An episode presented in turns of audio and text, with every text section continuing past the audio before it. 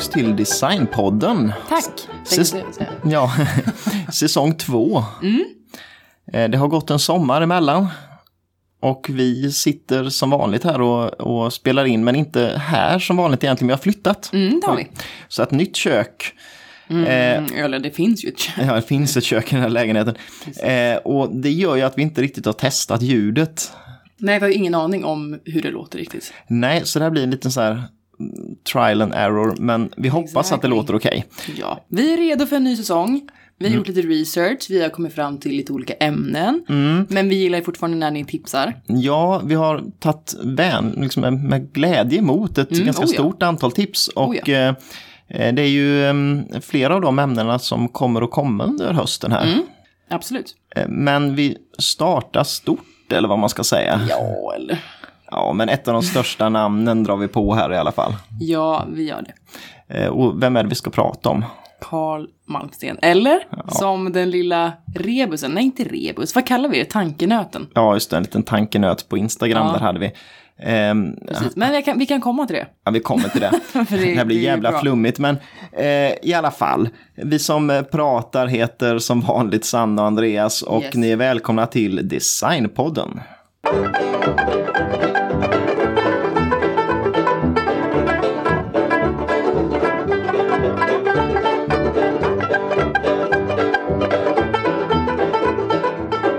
Ja, hur var det där med den där eh, tankenöten vi hade? Vi hade en bild på, Ja, eh, vilka hade vi där? Det var eh, Charlie Chaplin, mm, Per Morberg Per Morberg. och Henrik Berggren, den bästa personen ever. Mm. Och sen så då en bild på en furumöbel. Ja, Och då var ju frågan då vem det var första avsnittet Mm. skulle handla om. Och eh, svaret är då Carl Malmsten och varför är det det? jo, för att han då är döpt till Charlie Per Henrik Malmsten. Just det, och inte Carl egentligen. Charlie C-H-A-R-L-E-Y, så det är väldigt så här, Ja, precis. inte svenskt. Nej. Och det, förmodligen så tyckte han kanske att jag stack ut lite eller något. va, Så att han kallade sig Carl. det är mycket möjligt. Alla, alla heter Carl så då kunde han också Ja, det göra gjorde det. de ju och det kommer vi komma till. Mm. Men vi har lagt upp det lite så att, att eh, du börjar prata om eh, ja, tidig, tidig ålder och, mm, och den första delen och sen tar jag vid efter ett tag där. Ja, exakt. Så jag börjar helt enkelt Mm. med att Charlie Per Henrik då, jag kommer inte säga hela namnet, Mm. man kommer säga Karl. Ja, Men det är ju inte lika kul. nej. Men men. Han föddes i alla fall den 7 december 1888. Mm. Så att det är ganska, han är ju lite tidigare än många av de här andra vi har pratat om. Mm. precis. En generation nästan innan. Ja, ungefär. Och det är ju lite kul. Mm. För det, blir- det blir lite samma. Fast det blir det här också för att det, ja. Jo, men- Samma liksom men exakt. händer ju uppenbarligen. Vem vi än pratar om. Men det här namnbytet då. Ja, Inte officiellt, men han, eh, han gjorde det, bestämde det själv. Mhm. Han skrev ett brev till sin eh, mamma 1901 där han skrev citat. PS. Kommer ibland när jag kommer ihåg kalla mig för, för Karl Malmsten. Okej, så att det var, det var en 14 eller vad, ja, då tyckte han att nu får det räcka med det här Charlie. Precis, så att han bara, när jag kommer ihåg Ja. kommer jag kalla mig för Karl. Men ja, Mm. det är namnet då, det långa. Det kom ju troligen från hans mamma som eh, var dotter till en fransos. Mm. Hon hette Ines. Ja, Och hennes pappa var då, jag tänker inte säga det namnet för han har fyra franska liksom, namn. Så att jag Ja. försöker inte ens. Men han var en fransk mästerkock och han var med och grundade Grand Hotel Oh. i Stockholm. just det. Så han var ju ganska, ja. En fin familj, det är ju ja, liksom... men eh, precis. mm. Karls pappa, som också hette Karl fast med K. Ja. Han var en framstående läkare. Mm. Karl hade två syskon, en äldre bror, Roy, och en yngre syster som heter Margit. Mm. Hans eh, tidiga uppväxt eh, var tydligen väldigt så idyllisk. Ah. Och det var, ja men de hade det gott ställt och det var, allting var bra. Fram till föräldrarnas skilsmässa när han var nio. Den resulterade faktiskt i att pappa Karl fick hela omvårdnaden av barnen, alla tre. Oj, vad så. Varför kom jag inte fram till, men det kändes ju väldigt ovanligt. Väldigt ovanligt och på den tiden att inte mamman skulle få vårdnad av barnen Mm. måste ju varit eh, exceptionellt. Ja, man undrar ju vad hon hade gjort. Eller Ja. var det för att han var liksom så pass, någon så framstående läkare att han lyckades Möjligen. I alla fall, jag blev lite surprised. Och eh, mamma Ines då fick bara träffa barnen en vecka om året. Oh. Mm. En vecka om året, ja, det, Det är därför de skrev brev, kom man Ja. ja. Återkoppla till. Så, eh, Karl skrev brev till henne för att det var bara så man kunde hålla kontakt med mamsen. mm.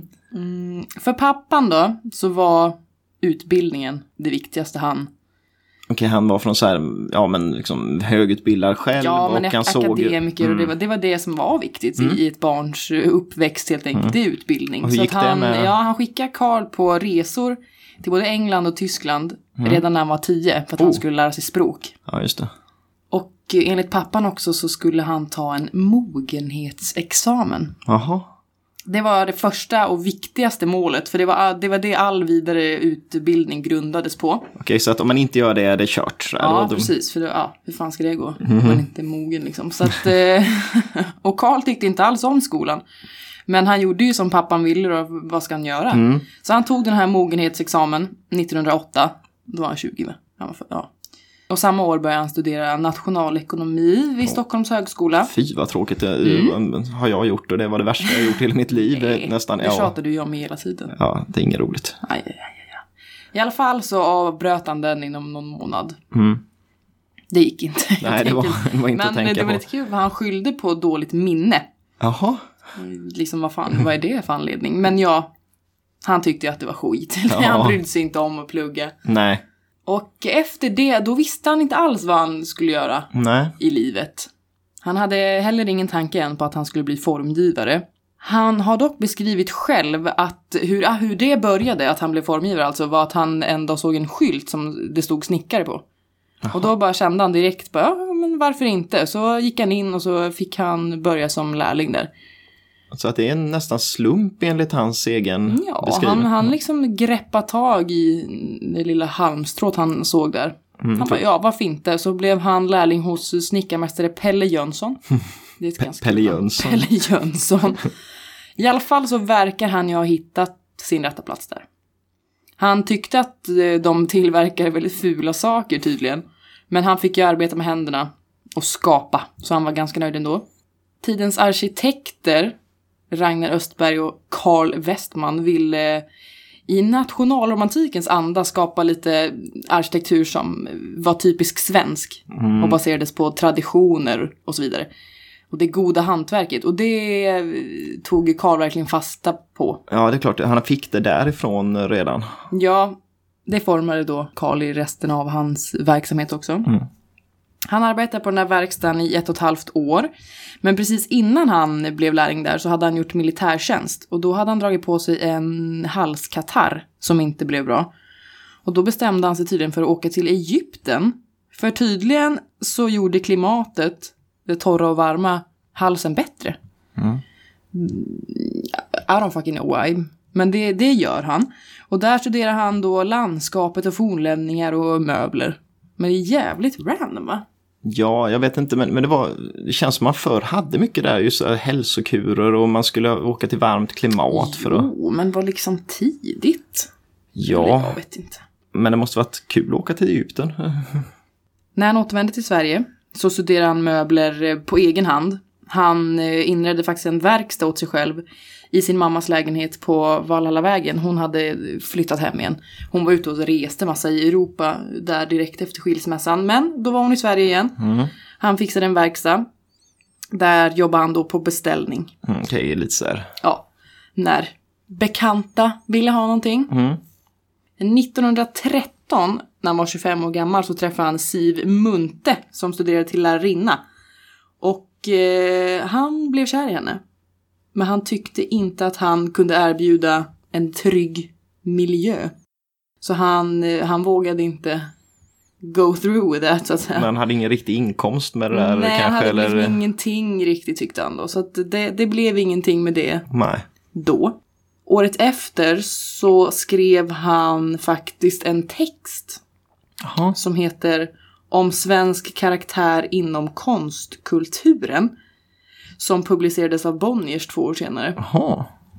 Den boken, eller boken men skriften, är ett eh, försvar av hantverket. Och ett så här direkt angrepp mot industrialismen. Jaha. Eh, Han menar då att naturen är vår bästa läromästare för vad som är vackert och han eh, tyckte att industriell tillverkning behövdes, för det insåg han faktiskt. Men att det skulle ske genom ett samarbete med konstnären. För att maskiner saknar fantasi och den mänskliga handens känslighet. Ja, det... Mm, jo, det, ja, let's not kommentera det. Nej.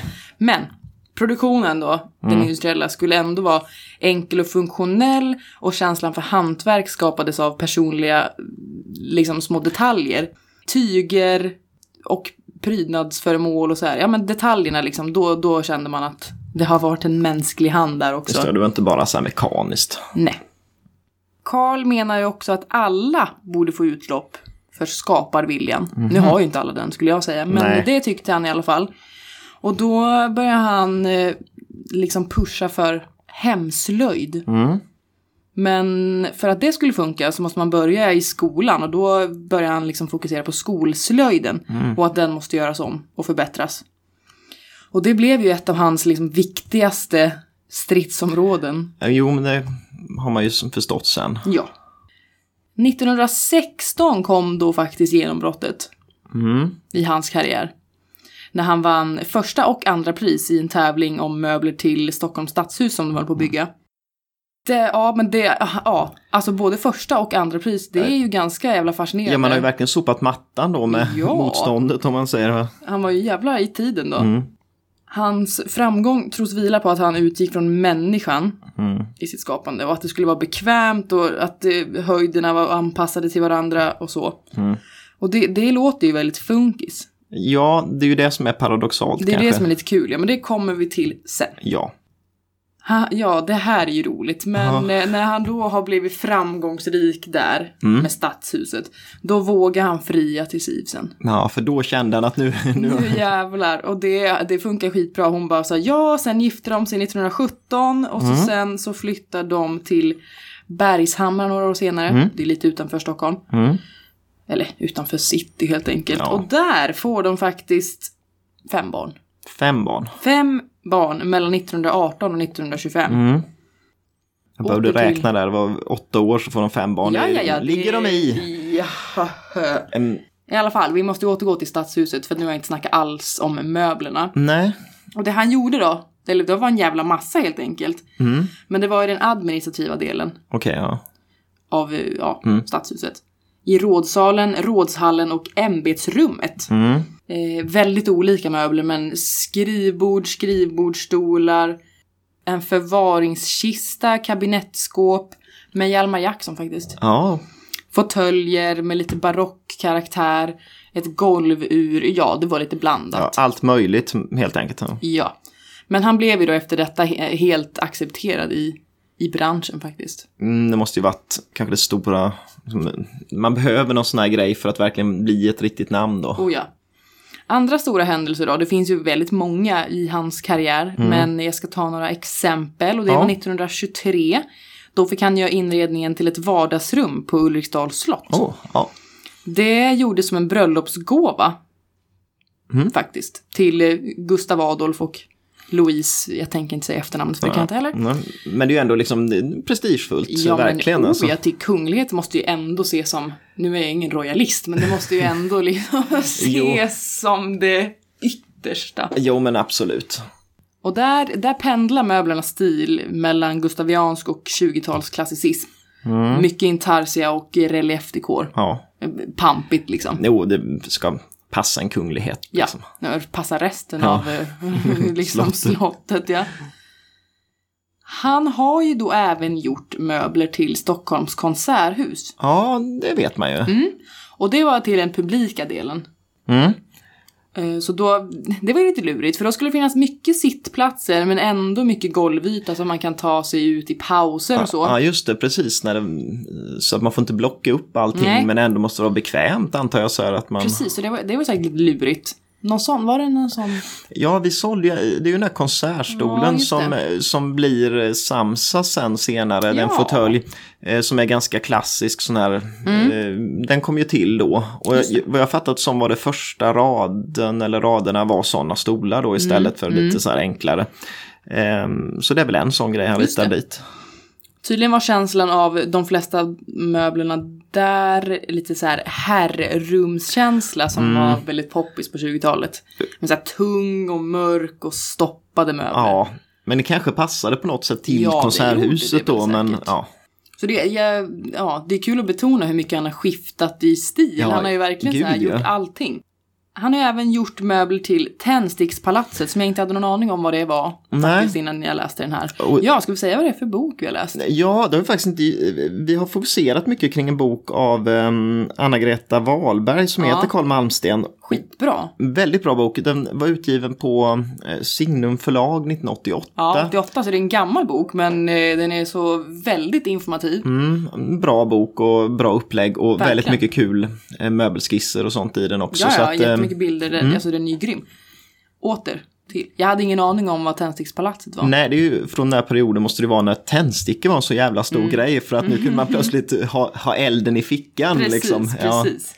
Han skulle göra möbler till sessionssalen Mm. som var en jävla stor lång sal helt enkelt. Som var lite så här rundad. Ja, lite, rundad. ja, men det var lite svängt hela... Ja, lite svängt, ja precis.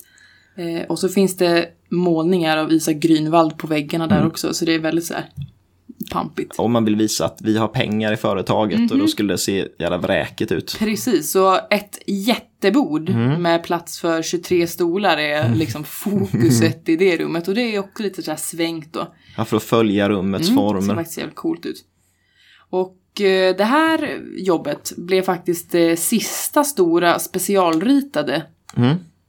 Som han gjorde liksom inredning till. Efter det så han gjorde ju mer inredningar Mm. men då använde han sig endast av möbler ur den löpande ur produktionen. serieproduktionen, ja. Precis, så det är ändå speciellt. Mm.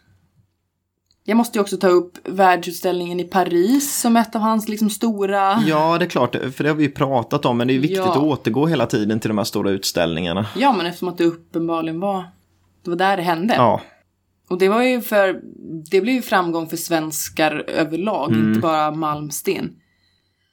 Men eh, svenskarnas formgivning syntes i jättemånga olika lokaler och de hade en egen, egen paviljong ja, ritad av Carl Bergsten. Mm. Och möblerna i paviljongen ritades av Malmsten och Carl Hörvik. Så tre Carl där, ja. alla C.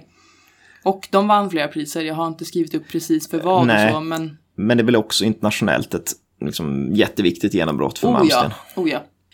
Och till följd av de framgångarna Mm. i Paris så fick eh, flera svenskar delta i en utställning på Metropolitan Museum i New York Mm. 1927. Och då fick de lovord om den höga kvaliteten Mm. och hantverket, precis som han ville. Ja. Och sen fick faktiskt Carl i samarbete med NK inreda en svit på Waldorf Astoria Oh. 1930. Och det är faktiskt det sista jag har Mm. om lille Charlie. Ja, och vi tänkte vi skulle ja, på något sätt göra en bryt, eh, liksom bryta lite här för att här händer ju någonting som är väldigt eh, viktigt och som nästan varje avsnitt vi har haft har Jag handlat tror om. fan vi har sagt det i varje. Ehm, och det är ju Stockholmsutställningen 1930, så vi, vi går vidare på den.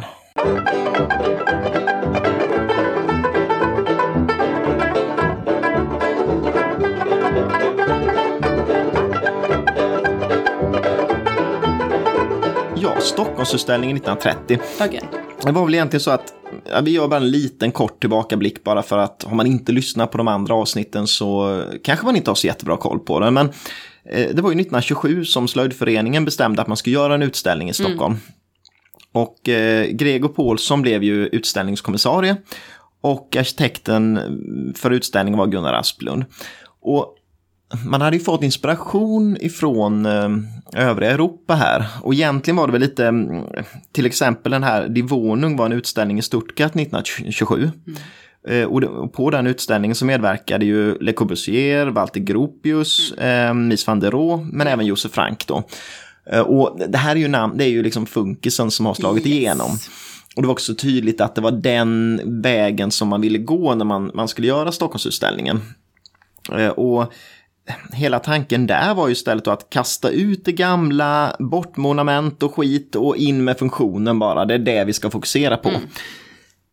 det syntes, jag hittade något citat av, av Gregor eh, Paulsson där, eh, där han sa då att han, han uppskattade funkisen eftersom eh, den vänder sig mot den sista tidens dyrkan av töckniga avgudar som burit den nationella traditionen eller den klassiska skönhetens vackra men falska museiskatter. Alltså, ja, det är liksom så här att det är, det är liksom bara en, man ska inte ta det på allvar. Mm. Och mm. Grejen var väl lite att det här är ju att vända sig mot allting som eh, Karl Malmsten då har mm. Eh, sett som jo. viktigt. Där traditionen, nationella, allt det här ska vi vända oss mot.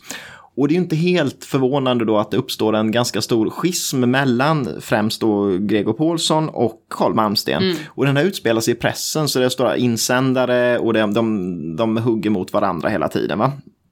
Eh, och liksom Malmsten vill ju istället fokusera på det här liksom att man går vidare generation för generation som lär av varandra och eh, så. Va? Så att det, det, var ju länge oklart om Malmsten överhuvudtaget skulle ställa upp på mässan. Mm.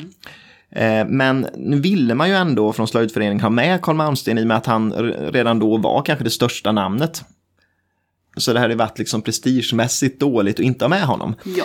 Eh, men Malmsten han, han kallade väl hela upplägget då för slätstruket, importerat, antitraditionellt och mekaniskt torrt. Mm, alltså det, det, det började ju inget bra här. Eh, men ändå så, mm, ja från början var det tänkt att Malmsten då skulle ha en eh, interiör som han skulle göra. Sen blir det hela de här schismer och allting, men sen slutar det med att Malmsten är med i tre interiörer, så jag vet inte riktigt. Mm. Förmodligen så, så ville han väl liksom visa att det fanns ett alternativ till funkisen. Han hade en, en då eh, interiör som man kallade modern svensk hemslöjd. Så att eh, ja, namnet är väl, det känns nästan lite som det är en så här kompromiss ändå. För att det är ju den svenska hemslöjden med det på ett modernt sätt. Då. Mm. Eh, men ändå, det, det Malmsten har med på utställningen är ju väldigt traditionella möbler och det är väldigt inspirerat av tidigare stilar och han har inte alls lämnat den här liksom, klassicismen och, och de gamla möbelstilarna bakom sig. Men det finns vissa funkisinslag ändå i formgivningen. Han har något eh, golvur som är helt kubistiskt mm -hmm. och sen så en byrå som är väldigt funkis, rak och så, så han har väl ändå som inspirerats av det, ja. Mm. Men ändå är det ju väldigt mycket klassisk eh, inredning över hans, liksom, på Stockholmsutställningen. Mm. Och även om man i media kanske, alltså de som eh, recenserade eh, var väl ganska hårda mot Malmsten egentligen, men folk i allmänhet verkade uppskatta det. Så att ja, det var liksom all, alla var väl inte med på funkiståget riktigt. Nej. Och det, det, var väl givetvis också väldigt positivt för Malmsten på, på sätt och vis, de här mediaschismerna med eh, ledningen för slöjdföreningen och så vidare. Va? För att han, han blev ju en ännu mer, en ännu större person. Va? Och alla kände till vem Malmsten var. Eh, och Sen är det ju på något sätt också en paradox i det här som vi pratade om redan innan, att Malmsten utgår ju också ifrån kroppen ja, och funktion. Ja. Mm. Och han eh, vill egentligen serieproducera möbler för flertalet. Mm. Men, men på men, ett vis som ja, ändå... Men det ska vara på det här gamla sättet. och sen så jag vet inte, det, det, blev liksom ändå att han höll på mest med de här lyxmöblerna fortfarande. Mm. Men eh, visst, han är ett stort namn, eh, 1930. Och han, samma år då så hyr han en lokal på Norrmalmstorg tillsammans med Märta Mås Fjätterström. Mm -hmm. och det är tre våningar i den här lokalen. Jävlar. Eh, och den har han i tio år ihop med henne då tills huset rivs och han flyttar till en 14-rummare på Strandvägen då och har, har lokalerna där istället. Ja men vilket jävla. och efter ett tag då så, så får han flytta ner till gatuplanet och han har den här ihop med Märta Mås då. Mm. Eh, han kallar den Boden. Och den är ju kvar i samma lokal idag, fortfarande Malmstenbutiken på Strandvägen. Så att det är ju lite, lite kul då. Um, och han har det ihop med henne fram till 1941 när Märta Mås uh, dör. Uh, och han är med och, och bildar här AB MMF uh, som driver vidare textiltillverkningen i Båstad. Men, men, men åter till 30-talet då. Ja. För att Eh, det, det, Malmsten är med på tre utställningar ganska direkt efter Stockholmsutställningen. Eh, det är en på Galleri Modern i Stockholm, det är på Röska i Göteborg och sen så en utställning i Oslo också samtidigt. Så att mm. han, han hugger vidare på det här vinnartåget ändå från Stockholmsutställningen. Ja, ja. Och det som märks här är väl kanske att de här klassiska stilarna ändå är borta i, i Malmstens repertoar. Han, han gör inte längre liksom, möbler i, i alltså stilmöbler, utan han gör något eget. Eh, och han börjar visa både de här lyxmöblerna men också lite mer vardagsmöbler till, till flertalet. Och strax igen, där 1934, då är det en ny utställning den här gången på Liljevalchs. Eh, och den har han tillsammans med ja, bland annat då Märta Mås Fjätterström, men också med Estrid Eriksson. Och där börjar han visa vissa av de här, det är, det är ju jättepaddan till exempel som är en fåtölj som eh, produceras än idag också. Eh, och den här konsertstolen som gjordes för Konserthuset, Mm, den visar han väl och man ska börja vända sig mer till en privat publik för den också då. Men pressen är ganska så brutal mot honom på de här utställningarna. De menar att det är övermonumentalt och egentligen är det bara en blandning av vampyr och modernism så att det, det är inget eget sådär. Så att han, han fortsätter vidare på det här men han blir ganska hårt ansatt ändå. Men som vi pratade om innan, det här med kungligheter och att det är bra att liksom synas i Mm, sådana mm. sammanhang. Året efter då, 1935, då ska drottning Ingrid, som är svensk, gifta sig med den danske kronprinsen. Eh, och eh, bröllopet ska ske i Stockholm. Och stockholmaren har någon insamling dit, så man ska ge en bröllopspresent. Men det var ju exakt samma som Ja, min. precis va. Eh, men det här är ju en jäkla, då ska de alltså göra, de har beslutat sig att ge bort då ett 14 meter långt bord, 60 stolar till bordet, två sideboard och en silverkista. Men först och främst får man plats med 60 stolar runt ett 14 meter långt bord. Ja, det, de har beräknat ut att det går att klämma det in låter där. sjukt mycket, men Ja. okej, okej, okej. Eh, och Carl Malmsten får uppdrag att göra de här möblerna då. Sen ritar de eh, och bland annat Hjalmar Jackson då som Okej. är en jäkligt bra snickarmästare Ja, oh ja. under den här perioden. Eh, ska utföra dem. Och möblerna blir ju, här hade ju Malmsten lämnat lite de här gamla stilarna ändå, va? fast samtidigt om man ska in i slottet i Köpenhamn. Eh, och hur gör man nu då? Jo, han fick ändå gå tillbaka så att egentligen eh, stolarna påminner mycket om liksom någon rokokåstolar med inslag av vampyr. Eh, de är mycket skuren dekor och helt förgyllda dessutom. Mm, just det, Eh, det så måste att- det ju vara. Ja, så att det här är verkligen så här kung. Men, men det är ju ett stort viktigt uppdrag han får där. Så att det befäster väl hans ställning liksom som en av de här riktigt stora formgivarna. Och sen för att få en liksom, kontrast till det så kan man väl nämna också sportstugemöblerna som, som var stora under 30-talet. Och det är väl kanske den största kontrasten till de här kungliga möblerna. Ja, oh ja. Eh, för i Stockholm hade man byggt, bara i skärgården i Stockholm hade man byggt 5200 sportstugor. Och sportstugorna var ju, det var liksom små låga hus som inspirerades av de gamla så allmogehusen då va. Och det skulle vara på något sätt att man vände sig lite mot eh, det här Sundborn och det här nationalromantiska och istället var det ganska enkelt små fönster och så vidare. Och så ska man ha, eh, ha möbler som passar dit. Och då är det de här furumöblerna som dyker upp och eh, när man tänker sportstugemöbler tänker man ju Axel Einar Hjort. Eh, och, och det är hans möbler som man oftast ser då idag också på auktioner och så. Men Malmsten gjorde ju faktiskt en hel del sportstugemöbler, bland annat en stol, skedblad, Ja, som känns väldigt mycket Axel Einar Hjort. Men, verkligen. Det skulle jag gissa med. ja, faktiskt. men det beror väl på att det passar in i den Mm. tiden. Så gjorde han flera andra, kurvan och stubben och det, det är många just sådana möbler som Stubben. stubben. eh, som, som är tänkta. Men, men det gjorde han ju också under det här så att det visar väl lite på bredden i, i Mm. Carl Malmstens eh, formgivning under den här perioden också. Eh, Men sen, du tog upp ett par världsutställningar där. Mm. Och stora, det, det kom ju en ny 1937 Just i Paris. Och den pratade vi om i, i Bruno Mattsson-avsnittet för att Bruno Mattsson gjorde en dagbädd dit. Eh, och om sanningen ska fram var det väl egentligen hans dagbädd där som var det som var nydanande i den svenska, eh, den svenska paviljongen. För att eh, det hade eller kanske inte hänt så jäkla mycket sedan Stockholmsutställningen 1930. Eh, och möblerna i den svenska paviljongen, de, det var ju bra kvalitet men eh, om man ska vara helt... Man tröttnar på det. Ja, och det var inte så mycket nyskapande i det hela. Eh, och Malmsten var ju med och hade mm, liksom, framträdande mm, positioner med sina möbler där. Och han gjorde mycket intarsia-möbler, Hertiginnan, en sekretär som är jätte, jättefin. Men det är ju inte mycket nytt liksom Nej. egentligen, utan det man hade sett det förr. Och samma sak hände ju två år senare, då är det 1939, världsutställningen i New York. Och var den som hette The World of Tomorrow. Eh, Och det blev ju lite Ja, så här eh, tragiskt med tanke på att sen kommer världskriget eh, precis när utställningen slutar. Ja, just Eh, och, och hela den utställningen var väl så här framtidstro och nästan lite då science kan man inte fiction komma och över göra den. samma skit. Nej, eh, men om man kollar på Malmstens möbler därifrån så känns det ju mycket, ska man, ja, gubbrum Muggigt. känns det som. Ja, men lite så. Han hade ju textilier av Märta Mås, Ja, Fjätterström är där. Och eh, det passade ju bra ihop med Malmstens grejer, men, men det var väl inte så där jäkla mycket nyskapande, om man ska vara helt ärlig. Nej. Och sen direkt efter utställningen där, då, då kom ju andra världskriget. Mm. Och då är det ju slut helt och hållet på alla de stora utställningarna under flera år, förstås.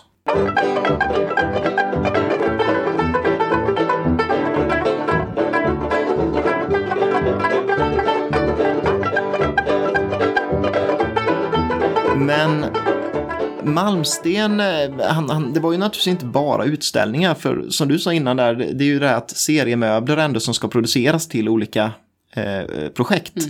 Eh, och eh, ända sedan eh, han gjorde det, här, sitt första projekt 1918 där till Stora Kopparbergs AB, så han höll på med olika projekt. Och viktigt under andra världskriget så var han fick ett uppdrag som varade mellan 1936 och 1943 åt Marabou i Sundbyberg. Ah, Och det var väl bra att kunna, liksom, när det inte var så mycket utställningar, inte så mycket sånt, då kunde man ägna sig åt den typen av uppdrag.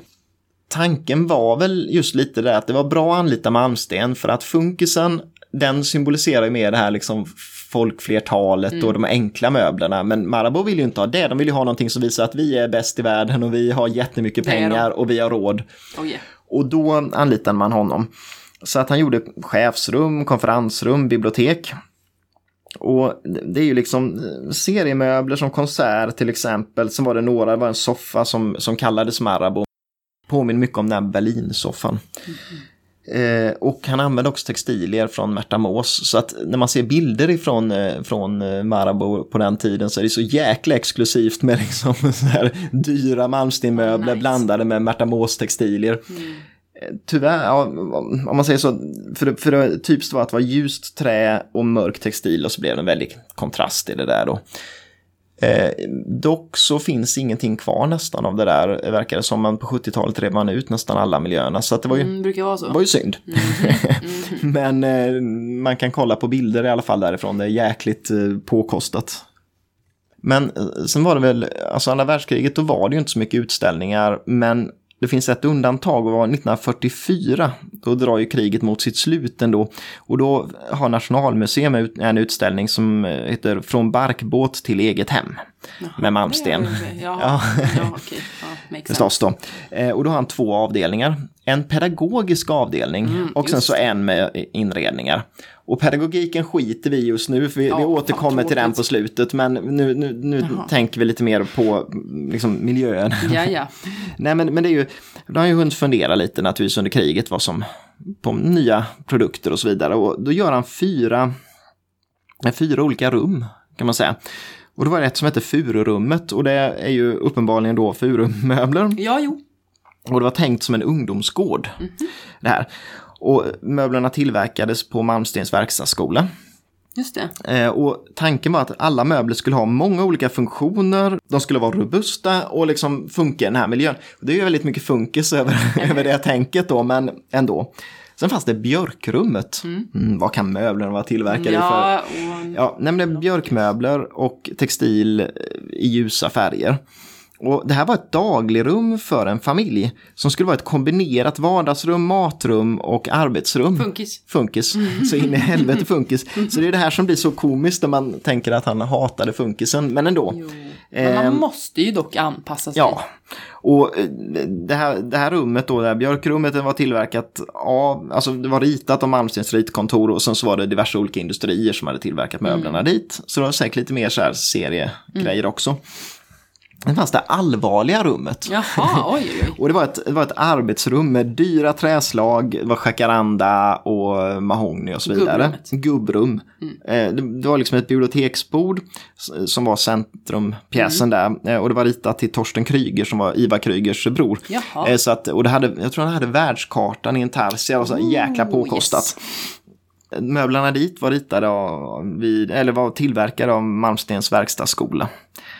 Sen fanns det ljusa rummet också då som skulle vara en liten kontrast till det här allvarliga rummet. Och det var ljusa trä, träslag och textilier, mycket intarsia och träskuren reliefdekor så det var väl lite liknande som vi pratade om innan där. Eh, och allting dit också var Malmstens verkstadsskola. Och den här utställningen var ett samarbete med Märta Mås igen så att alla textilier var från Märta Mås. MMF. Och man kan säga att det var fortfarande väldigt traditionellt ändå, men det fanns de här funkistankarna i det hela ändå Mm. då. Va? Och att det fanns funkis i det, det visar väl kanske att han samma år, det var ju 1944, och samma år så gör han en, en serie med seriemöbler åt Nordiska, eh, Nordiska kompaniet. Så att det är väl på något sätt har Malmsten börjat övergå ifrån de här lyxmöblerna till det här lite mer massproducerade.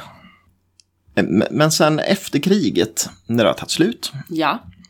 så kommer två utställningar ganska snabbt på hösten där. Och det är Slöjdföreningens jubileumsutställning som kallades 100 år och sedan.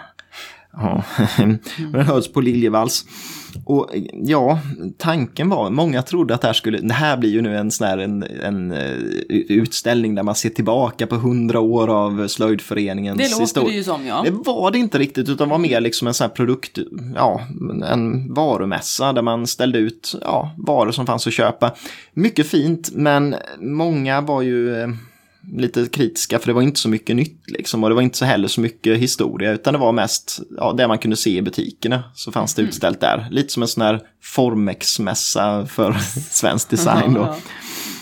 Men och sen var även en utställning i Göteborg som hette Bo bättre. Eh, och det var stadsdel, eh, stadsdelen Guldheden skulle börja byggas i Göteborg. Och det här har varit ett område som egentligen mest var, ja men det var bara träd liksom och obebyggt område. Och då skulle man bygga det här och själva utställningen gick tydligen till så att man gjorde vissa lägenheter i husen man byggde. Och så fick man gå runt till dem och titta. Och det var ju kul på ett sätt men det var svårt för det blev jäkligt trångt i trappuppgångar och alla skulle springa mellan husen och sådär då va. Och där visade Carl Malmsten och, och NK eh, ett antal miljöer. Men också den, ja, det var inte så mycket nytt egentligen. Och på något sätt var det väl kanske man drog igång lite med utställningen efter kriget, men det hände inte så mycket egentligen. Och sen tycker jag att, för det är också nästa stora utställning som kommer, H55-mässan, alltså Helsingborgsmässan 55, den kan vi nästan hoppa över helt och hållet, för den kan vi prata om någon gång. ja, det måste vi göra. Men det blir inte så intressant, det är ju Svenska slöjdföreningens sommarutställning 1955 och man ville visa vad som hade hänt sen, sen 30-talet när Stock, Stockholmsutställningen var. Men Malmsten passar inte riktigt in här för att det handlar ju mycket med så nya material och massproducering och Malmsten är med men då är det Vidar Malmsten, hans son, som har, som har gjort miljöerna som Malmstens möbler står okej. i. Så att jag tror att Malmsten ville prioritera ner den så vi, vi skiter i den helt Ja. enkelt nu. Moving on. Men så kommer man ju till eh, 50-talet och eh, där det handlar om att serieproducera på ett annat sätt än vad man gjort tidigare. Och eh, jag har letat, alltså årtalet där är lite osäkert men Malmsten vill ju knyta till sig ett antal tillverkare som ska göra hans möbler. Och han vet att fabrikerna finns i Småland i huvudsak så han åker ner till Småland och jag tror det var 1950 men jag är inte helt hundra men någonstans kring 1950 i alla fall. Så åker han runt och besöker ett antal fabriker och beslutar sig för att han ska Ehm, han ska ha vissa nyckelverkstäder som man kallar dem. Och det är 13 stycken som ska Oj. producera hans möbler.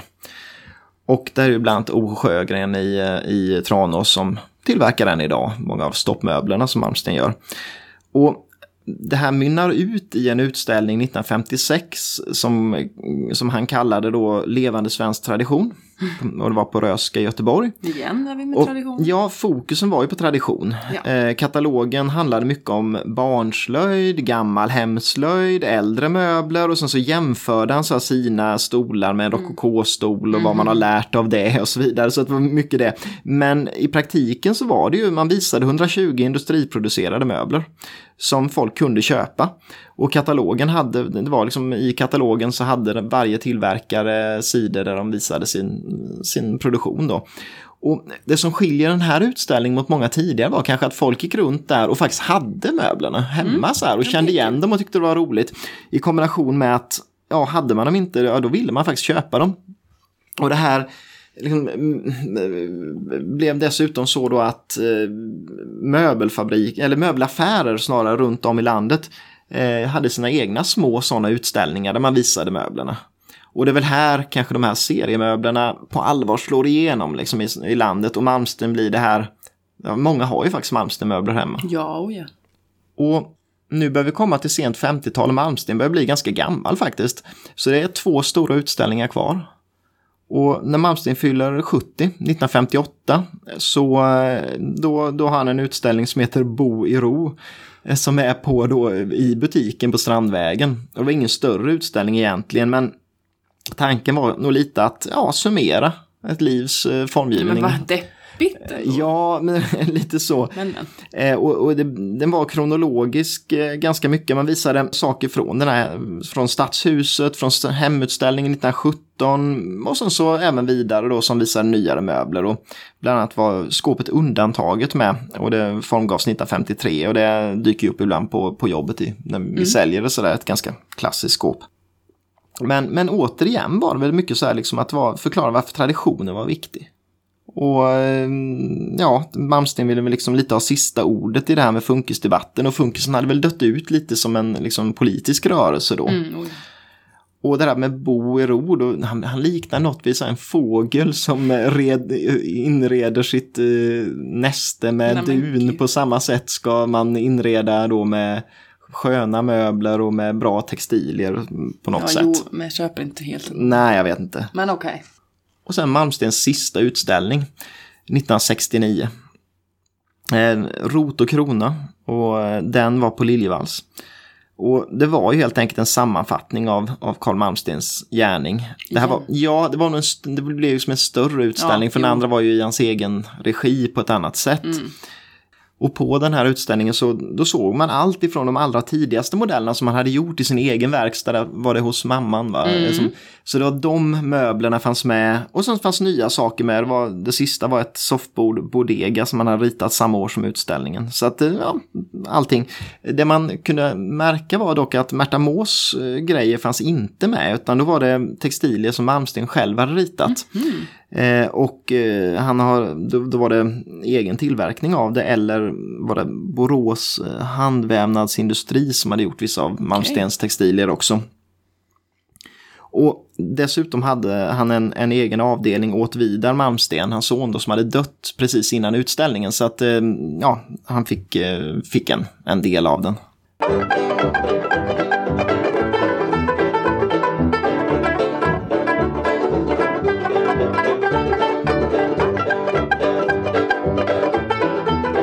Nu har vi hoppat över mycket av det här kring, kring Malmstens, eh, det här pedagogiken och det där.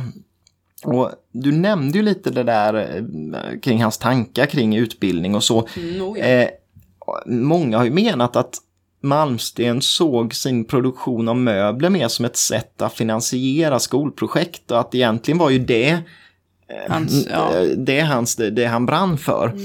Och vi tar lite kort om det för att det, det, det, det, det, så, det blir liksom... måste Det kny, vi. ja, för det knyter ihop på ett bra sätt. Men redan 1927 eh, så startade Karl och eh, Siv något som de kallade Olofsskolan. Och det berodde på att sonen då, eh, Olof, hade precis börjat skolan. Och Malmsten såg det här som han inte gillade då. Han tyckte att det var teoretiskt och disciplinärt och så här, nej det här det, det är inte bra. Så han ville göra en egen skola, så gjorde han det. Startade de den här Olofsskolan. Ja. Och tanken med den var att, att liksom, det var det här, ja, individualisering och praktik eh, snarare än bara teori. Det här blev aldrig någon, alltså det gick inte att få någon lönsamhet i det, så skolan lades ner efter, nej, 19, var det 1941. Men det är viktigt ändå på något sätt och, och det är för att under 1930 då så startar man något i den här skolans regi som man kallade Olofsskolans verkstad. Och eh, tanken var att, att man skulle lära sig eh, träarbete genom praktik. Och eh, man hade en, en verkstad tillsammans med Hjalmar Jackson som ju var Stockholms kanske skickligaste snickarmästare. Tycker vi. Ja, men jätte, liksom idag väldigt liksom hans grejer är jätteeftertraktade och han har gjort de bästa grejerna åt Malmsten bland annat. Och då liksom halva verkstaden var Hjalmar Jackson, halva var Olofsskolan. Mm. Och då var det ju jättebra för de här eleverna att de fick utbilda sig samtidigt som de såg Hjalmar Jackson och snickarna där göra fantastiska möbler. Så att tanken var jättegod naturligtvis. Och den här verkstaden har levt vidare i liksom olika regier genom åren och 2000 blev den en del av Linköpings universitet av någon jävla anledning, men eh, det ligger ju i Stockholm. Ja. Och ligger idag på Lidingö. Eh, men finns kvar. Och eh, heter Carl Malmsten Furniture Studies. Så att ja, det är ju en sak som faktiskt levde vidare. också. Ja. Jävla töntigt. Ja, men det som är en paradox, och det måste vi ju nämna för att annars blir det konstigt, ja. det är ju att Malmsten menar ju alltså, det här med Eh, man, disciplinen i skolan är hopplös och så här. Mm. Men sen var han själv väldigt auktoritär. Ja, oh ja. Eh, och det var det här att, att hans ord var lag och ingen annan hade någon som helst talan när det gällde de olika projekten. Så att även om man hade en syn på skolan att, att det skulle vara väldigt eh, så här, alla ska med och man ska lära sig genom att göra och testa sig fram och så, så var han själv auktoritär eh, i sitt ledarskap på ritkontoret. Det manliga geniet, mm. Exakt exakt så. Eh, och tydligen så han, om, om han själv inte lyckades så skyllde han på andra. Mm, och sen så, så sprang han ut på, på Strandvägen och sprang fram och tillbaka där. Och sen så fick han dåligt samvete, köpte vindruvor, tog med sig och bjöd på ritkontor. Ja, vindruvor och allting. Eh, så att eh, det är ju lite paradoxalt på samma sätt som kontakten med eh, funkisen så blir mm. det här också lite mm. konstigt för att han, han, han själv tyckte att det var hemskt i skolan när det var mm. disciplinärt men han själv var liksom en, en um, dispot båt där som, som eh, ja, styr det, och ställde. Det, det, är ju det här överklassen som sitter i lite. Förmodligen va? Som, mm, Jag skulle tro det. Inget jättefan av Nej, alltså det, Behöver inte gå in många, många har ju beskrivit honom som ganska osympatisk ja, och förmodligen så det var nog inte bra att inte hålla med honom. Mm, nej. Och sen, eh, det, det här, de här skolprojekten gick ju aldrig särskilt bra egentligen. Olofsskolan fick ju läggas ner ganska fort. Och även om eh, då verkstadsskolan levde vidare så gick den väl aldrig ekonomiskt särskilt bra. Liksom. Ehm, men, men då, så fort det kom olika möjligheter att, att eh, liksom starta nya sådana projekt, då, då högg han ju. Och tydligen var det så att eh, 1944 så hade Nacka kommun köpt herrgården Stora Nyckelviken.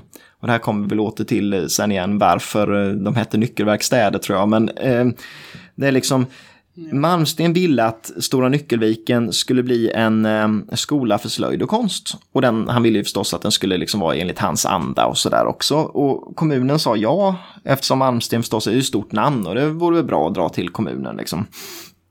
Problemet var ju bara att där hade han någon tanke att det skulle byggas någon stor skolby där alla hade olika hus och sådär. Men det skulle kosta 4,3 miljoner 1944 att bygga den här skolan. Eh, och där skulle bekostas med royalties från bland annat nyckelverkstäder och så vidare. Då, va? Men man hoppades också på anslag. Men det här blev ju liksom aldrig någonting riktigt av det där utan eh, han hade några sommarkurser och eh, ja, det, det, det, blev inte mer än så. Och i början av 50-talet så insåg han att det här kommer, nej det här, det här blir ju inget så att han övergav tanken på den här stora nyckelviken. Och istället så eh, kikade han runt lite och hittade en gård på Öland Eh, i Vickleby.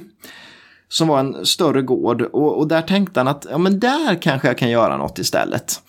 Eh, och startade sommarkurser och sen vinterkurser också. Så det var 1957 till 59. Eh, och det gick väl ganska bra egentligen, alltså kurserna var ju vettiga. Eh, och så tänkte han att ja, men det här, här kan min stora skola bli. Så 1960 så startar stiftelsen Kapellagården i Vickleby. Och eh, då skulle man liksom finansiera på något sätt på gården, liksom att man skulle bedriva verksamhet där och få in pengar. Man skulle få in pengar från någon verkstad där på gården och ifrån nyckelverkstäderna då. Och Malmsten var förstås rektor på den här skolan då. Såklart. Men egentligen blir det inte något vidare av det heller så att fem år senare så avgår han som rektor och han liksom lämnar över rodret till yngre generation där. Men han, ja, det var ekonomiskt svårt och eh, Malmsten var nog egentligen ganska så besviken över att det inte blev något vidare av det. Han, eh, han återkommer dit i alla fall på sommarkurserna varje år. Och det här vi knyter ihop hela säcken om Malmsten lite för att eh, 1972, då är Malmsten 83 år gammal, han, ehm, 20 juli reser han till Kapellagården för att kunna vara med på eh, sommarkursen. Och mm, han är eh, väldigt sjuk, han har cancer, men han vill ändå vara med på sommarkursen. Eh, men som om inte detta vore nog då så villan i Bergshamra där utanför Stockholm, den eldhärjas samma natt som han, liksom första natten han kommer till Kapellagården. Och egentligen alla, alla inventarier och allting brinner ju ner och blir förstörda. Eh, tydligen räddades delar av huset på grund av att han hade en så stor eh, bokhylla så att det impregnerade på något sätt så den kunde inte Jaha. sprida sig genom hela. Ehm, och sonhustrun Birgitta var, var hemma men hon, trots att hon larmade så att han inte brandkåren rädda nästan någonting. Och, eh, Malmsten chock, chockas ju väldigt svårt av det här och han återhämtas aldrig utan han läggs in på, på sjukhus på Borgholm på Öland eh, efter ett par dagar och avlider där någon vecka senare. Så att där slutar ju liksom historien om, om Malmsten på sätt och vis då. På sätt och vis. Ja, han dör ja, ju. Ja. det är inte så här. Men, men som man ser alltid med den här typen av formgivare, de, de eh, återkommer hela tiden i det de har producerat och vi ser ju Malmstens grejer, Mm. Hela jag skulle tiden. säga varje dag. Varje dag. någonting. Varje dag på jobbet så dyker det upp eh, folk som vill sälja någonting om Malmsten. Oh, ja. Så är det.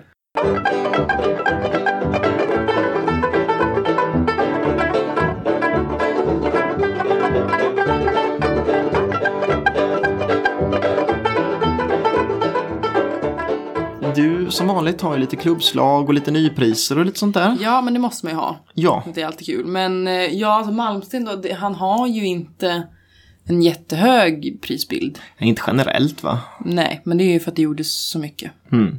Ett av de högsta, tror jag, jag hittade inget högre, Nej? är då ett eh, praktskåp som hette De fyra åldrarna. Mm. Som gjordes 1931. Mm. Av Hjalmar Jackson då. Mm, förstås.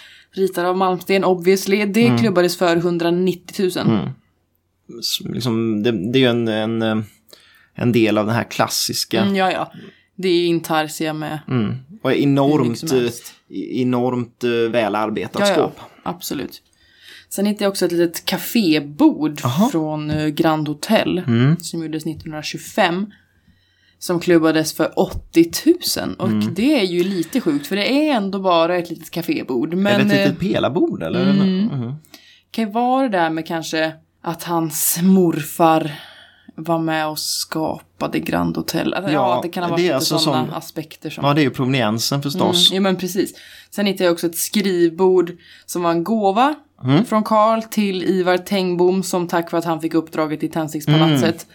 Och då är det också proveniensen som Mm. Så, ja, det- kostar mest. Ja.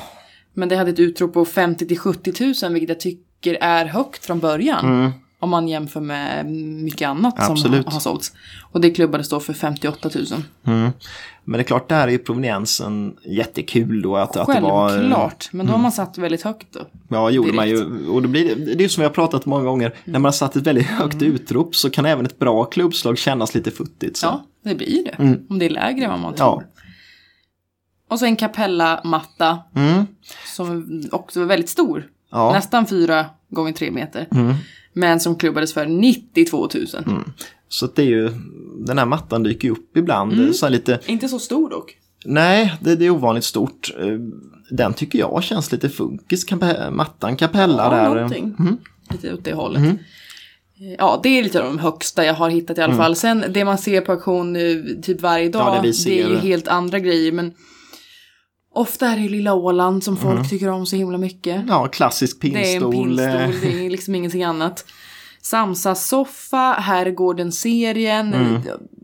Ja, väldigt tråkigt tänkte jag säga, men det är inte riktigt rättvist heller. Det är ju för att man ser det så Ja. himla ofta. Men, men det är ju det här som är producerat och gjort av de här nyckelverkstäderna. Mm. Och Sjögren som har gjort nästan alla de här Samsas och stoppmöblerna och så vidare. Precis, det är det, ja. Samspelsoffan, Ja, fåtöljen farmor, ja. hemmakväll, ja. Mm. Men där ligger vi inte med några stora, eller stora pengar ska jag inte säga. För att eh, det är väl mer att jämfört med nypriset så är det inte kanske. Nej, alltså jämfört med nypriset så är det ju alltid bra att handla på auktion. Alltså, det, det är ju lite galet ändå. Mm. En Lilla Åland då i björk eh, kostar ungefär 2,6 Mm. i nypris. Det är enkla standardvarianten där. Mm. Och vi sålde på jobbet ganska nyligen fyra stycken för 7 och 8. Mm. Och då blir det ungefär, nej det blir exakt 1950 kronor styck. Ja, så det är jäkligt bra andrahands, Mm. eller liksom på auktionsmarknaden då. För att vi har ju ofta sagt att kring 30 procent Mm. att man får, men det är ju mer då. Ja, det är vi typ på 80 då nästan. Mm. Nej, okej, inte riktigt, men i alla fall. En nypris för farmor-fåtöljen är Mm. eh, över 23 000. Oj, ja, Det är ju, det är mycket. ja, det får man inte ens i närheten av Nej. auktion. Och så finns det en rund Samsas-soffa Mm. i nyproduktion som kostar cirka 46 000. Mm. Det är också väldigt mycket pengar. Ja, eh, det är ju svårt att toppa för jag menar en, en bra Samsa-soffa på auktion går ju för mellan 5 och 10 någonstans där. Oh ja, oh ja. Och så finns det ett matbord som heter Visingsö som kostar ungefär 14 000 i nyproduktion. Så det, det är ju, ja, det är lite blandat. Det är inte jättemycket som nyproduceras. Nej. Men det är ju ganska dyrt ja. Mm. Och det är väl seriemö- alltså de här mm, största seriemöblerna som, Ja, som ja, ja. eh, Men så vill man ha, sammanfattningen där är ju, vill man ha malmsten, då är det ju auktion som gäller, Ja. tycker jag. Ja. Absolut. Och, och nu har vi väl sammanfattat lite Karl Malmsten eh, som formgivare. Charlie Per Henrik. Charlie Per-Henrik. Jag hade Eh, gillat han mer tror jag om man kallade sig för Charlie, det. Charlie Per-Henrik Ja, Malmsten. det är Nej, lite men, mer trevligt. och jag tror liksom att det är så mycket vi inte har sagt men, men samtidigt är det en liten introduktion i alla fall. Mm. Och sen så kan man ju gärna läsa vidare. Det finns många böcker som har kommit på senare år Ja, det finns också. liksom helst. Ehm, och eh, så va. Men ja, en introduktion. Det var första avsnittet av höstsäsongen av det. Mm. Designpodden. Ehm, och eh, som vanligt så eh, kan man ju då följa oss på Instagram och Mm, gärna det. på Facebook. Och man kan mejla till oss. Mm, det tycker jag också man ska göra. Till då Till des- designpodden at gmail.com. Exakt. Och där kan man komma med idéer och synpunkter och vad man vill Man ska göra egentligen. precis vad man vill. Men Men ja, vi ska inte hålla på och dra ut nej, det här nu. vi ska inte dra ut på det mer. Det är Näst- kul att vara igång. Ja, nästa vecka kommer vi eh, igen med ett nytt avsnitt. Vi har bestämt, ni vet inte vad det handlar om, Nej. men snart vet ni. Så att eh, lyssna igen på Designpodden. Stay tuned.